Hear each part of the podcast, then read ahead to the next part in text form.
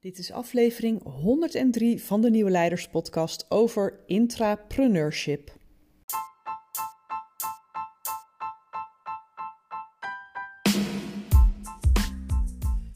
Tijden vragen om nieuw leiderschap. Mijn naam is Petra Kuipers en vanaf deze plek neem ik je mee op onderzoek naar hoe we nieuwe vormen van leiderschap kunnen ontwikkelen in organisaties, in teams en niet in de laatste plaats bij onszelf. Samen herschrijven we de definitie van leiderschap. De Nieuwe Leiders Podcast is een podcast vol inspiratie en informatie voor formele en informele leiders. Let's go! Deze week een korte solo-aflevering, um, omdat er iets is wat ik met je wil delen over een verschijnsel wat ik steeds meer zie voorkomen in mijn werk. Ik kom in heel veel verschillende organisaties, commerciële bedrijven, maar ook uh, uh, overheid en, en semi-overheid. En daar begeleid ik vaak MT's of andere teams. En er komt heel vaak een moment dat ik uh, na afloop of tussendoor in vertrouwen apart wordt genomen en dat mensen met mij delen dat ze ontevreden zijn. Dat het niet genoeg is om ontslag te nemen, maar wel een soort gevoel van: is dit nu alles? Kom ik wel helemaal tot mijn recht hier? Kan ik wel mijn hele potentieel gebruiken in het werk? En laat me heel duidelijk zijn: dat staat helemaal los van rang of rol. Ik kom het op alle niveaus tegen, van uitvoerend tot management en zelfs uh, directeuren in loondienst uh, heb ik dat uh, horen vertellen. En het staat ook los van of het in een commerciële omgeving is of in een non-profit omgeving. Het, het gaat eigenlijk door, de heel, ja, door heel werkend Nederland heen, lijkt het wel. En um, ik denk dat het goed is om daar eens met elkaar bij stil te staan. Omdat het op zo'n grote schaal voorkomt, um, heb ik het gevoel dat veel organisaties hier een enorme kans laten liggen. Namelijk een kans om intern ondernemerschap te bevorderen. En ik zal zoiets vertellen wat ik daarmee bedoel. Intern ondernemerschap draagt enorm bij aan betrokkenheid, aan innovatie maar ook aan medewerkers die voelen dat ze kunnen groeien in hun rol en dat hun hele potentieel benut wordt. En dus ook bereid zijn om dat helemaal in te zetten. En dat is dus een van de dingen waar ik uh, inmiddels mondjesmaat ook uh, leiderschapsteams, directies en MT's in begin te begeleiden. Want het is een, een behoorlijke mindset shift aan de ene kant, maar het heeft ook wat praktische consequenties. Want heel veel van de prikkels in de organisaties die we kennen, staan nog heel erg op traditionele manieren van leiderschap en van het aansturen van mensen. En wat je dan ziet gebeuren is dat er een evaluatiecyclus is. En soms is dat echt nog de, de uh, traditionele uh, functionerings- en beoordelingsgesprekken. Maar dat heeft ook allerlei, allerlei andere vormen. Maar het komt er op hoofdlijnen vaak op neer dat medewerkers op een aantal dingen gescoord worden. En in heel veel omgevingen is het ook heel logisch dat er gekeken wordt naar het behalen van bepaalde doelen, naar allerlei van dat soort dingen. Um, dus naar doelen, naar resultaten, naar bijdragen aan bepaalde projecten, nou noem het allemaal maar op. En daar worden mensen op gescoord. Maar Um, waar je dan aan voorbij gaat, is dat veel mensen ook uh, vooral zullen focussen op het nou ja, behalen van een positieve evaluatie, welke vorm dat dan ook heeft. En zich niet uitgenodigd voelen om ook andere delen van hun capaciteiten, van hun persoonlijkheid, van hun, uh, van hun potentieel, om dat in te gaan zetten. Daar wordt niet om gevraagd en het voelt al snel als extra, als een hobby of als iets wat je nou eenmaal niet doet op je werk. En ik denk dat we daarin, um, nou ja, een, een denkfout maken. Ik denk dat het heel nuttig, zinvol en waardevol kan zijn, zeker in een tijd van arbeidsmarktkrapte, om op deze manier mensen te helpen groeien, om werk oprecht, oprecht zo in te richten dat mensen daarin kunnen groeien. Maar goed, laat ik eerst even teruggaan naar het verschijnsel wat ik tegenkom uh, op de werkvloer. Um, want ook als je als medewerker hier naar luistert en je denkt van ja, weet je, ik heb helemaal geen directie of managementteam of, of leiding of bestuur of wat dan ook die hiervoor openstaan, dan is het geen verloren zaak. En uh, omdat ik zie dat het op zo'n grote schaal voorkomt, loop ik al een tijdje met het idee rond van, ja, wat kan ik hier nu eens mee gaan doen? Wat, wat is nu eens een idee om een groot bereik te hebben en veel mensen te helpen aan een, nou ja, het, het bewust worden van een aantal denkfouten die veel mensen hebben in loondienst. En ehm, tegelijkertijd ook een aantal mindset shifts te maken en praktische tools om meteen nou ja, te gaan experimenteren met wat gebeurt er nu als ik wat meer intern ondernemerschap gewoon uit mezelf ga doen.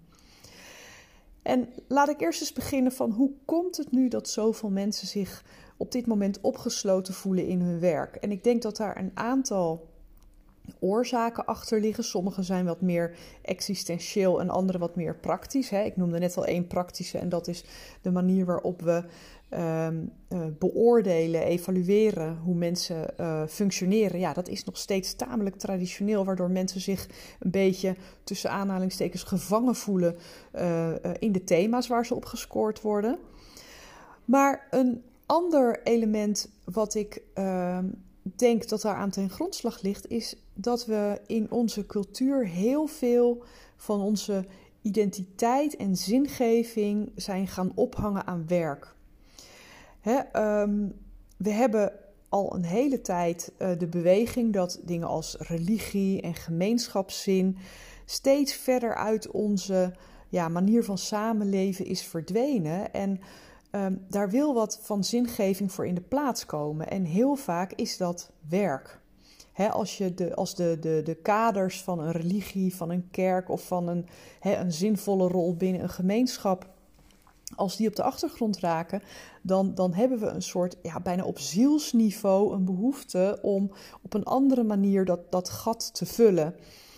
En uh, we zien werk als een zinvolle ingeving die ons bovendien, en dat is niet uh, onbelangrijk in een uh, ja, toch wel kapitalistisch, uh, kapitalistisch werelddeel, een kapitalistische ehm, samenleving waar we in, werk, in, in leven, die ons bovendien status, aanzien geeft en de mogelijkheden om een levensstandaard erop na te houden waar we naar verlangen.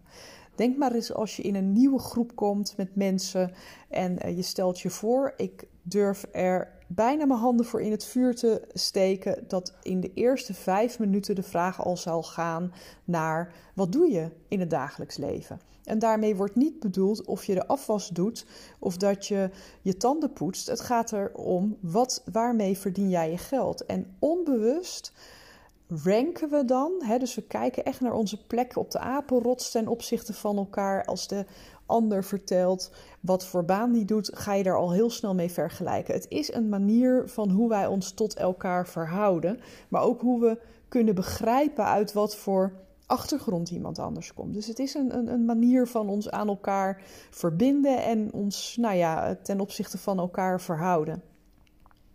Maar op het moment dat jij aan je werk zowel identiteit als zingeving, als status, als aanzien, als uh, levensstandaard ophangt, nou dat is nogal een rol om te vervullen. Dus je snapt dat er dan al heel snel uh, het risico van uh, ontevredenheid op de loer ligt. Dat, dat is heel begrijpelijk. Iets anders wat ik veel hoor ook de laatste tijd is dat de periode van thuiswerken uh, tijdens de pandemie dat dat veel met ons bewustzijn heeft gedaan. En dat gaat eigenlijk twee kanten op. Aan de ene kant hebben we ons heel erg gerealiseerd hoe hard we elkaar nodig hebben uh, om, ons prettig te voelen. Want het is anders of je met elkaar in één ruimte zit uh, om te overleggen, of dat je elke keer een afspraak moet maken uh, om elkaar in een, in een online hokje via Teams of via Zoom te treffen. Dat heeft echt wat gedaan. We zijn echt wat verwijderd van elkaar en we hebben heel erg gemerkt hoezeer we die menselijke connectie nodig hebben. Maar de andere kant is dat we ook hebben gemerkt van ja, we hoeven niet altijd um, uh, in de file te staan en weet ik veel wat om, om ons op te laten sluiten op kantoren. We kunnen ook uh, wat flexibeler zijn in onze manier van werken hè, tussen online en offline.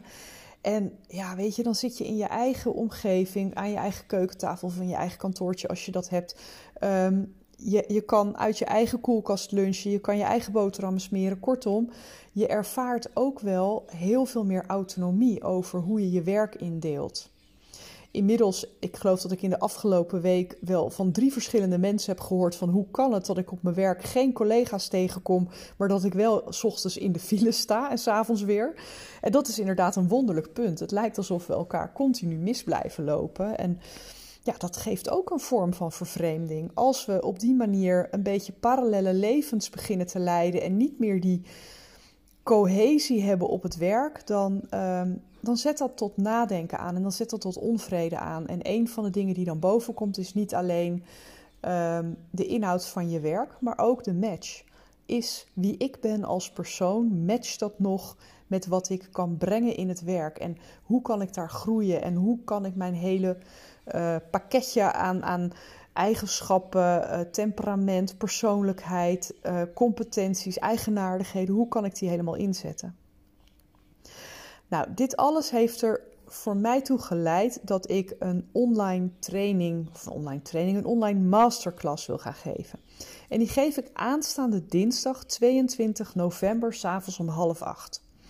En het is een masterclass die geschikt is voor uh, mensen in, in loondienst, maar ook uh, mensen die uh, misschien als, als interimmer of, of wat dan ook een leidinggevende functie vervullen voor verschillende organisaties. Om eens op een andere manier te gaan kijken naar hoe kunnen we veel meer ondernemerschap in ons werk gaan ehm, uh, nou ja, organiseren? Hoe kunnen we veel meer gebruik maken van het totaalpakketje wat, wat, wat mensen zijn?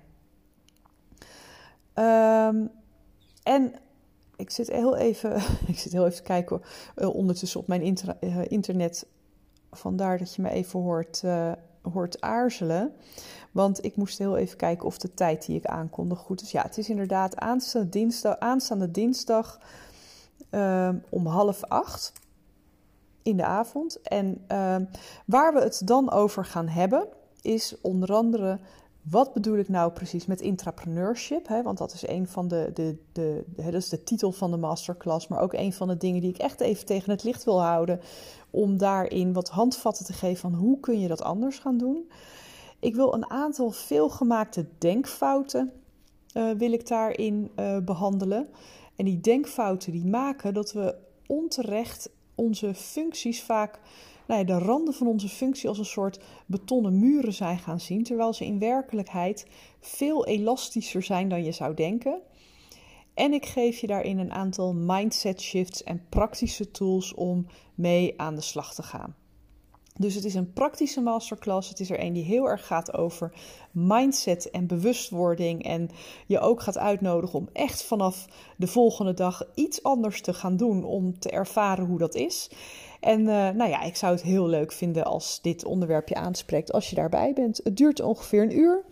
En als je je wil aanmelden, dan kan dat via de uh, link op mijn website. Dat is de implementatie. Oh god, ik moet even kijken trouwens wat de link op de website is, want daar twijfel ik nu even aan. Mijn website is in ieder geval deimplementatiedokter.nl. En je kunt hem vinden als je doorklikt naar het tapje gratis. En daar zie je hem als training staan. En ik zal ook heel even kijken nu of ik de rechtstreekse link kan vinden. Uh, ja, die vind ik hier ook. Dat is de implementatiedokter forward slash en dan inschrijven streepje masterclass streepje de streepje intrapreneur.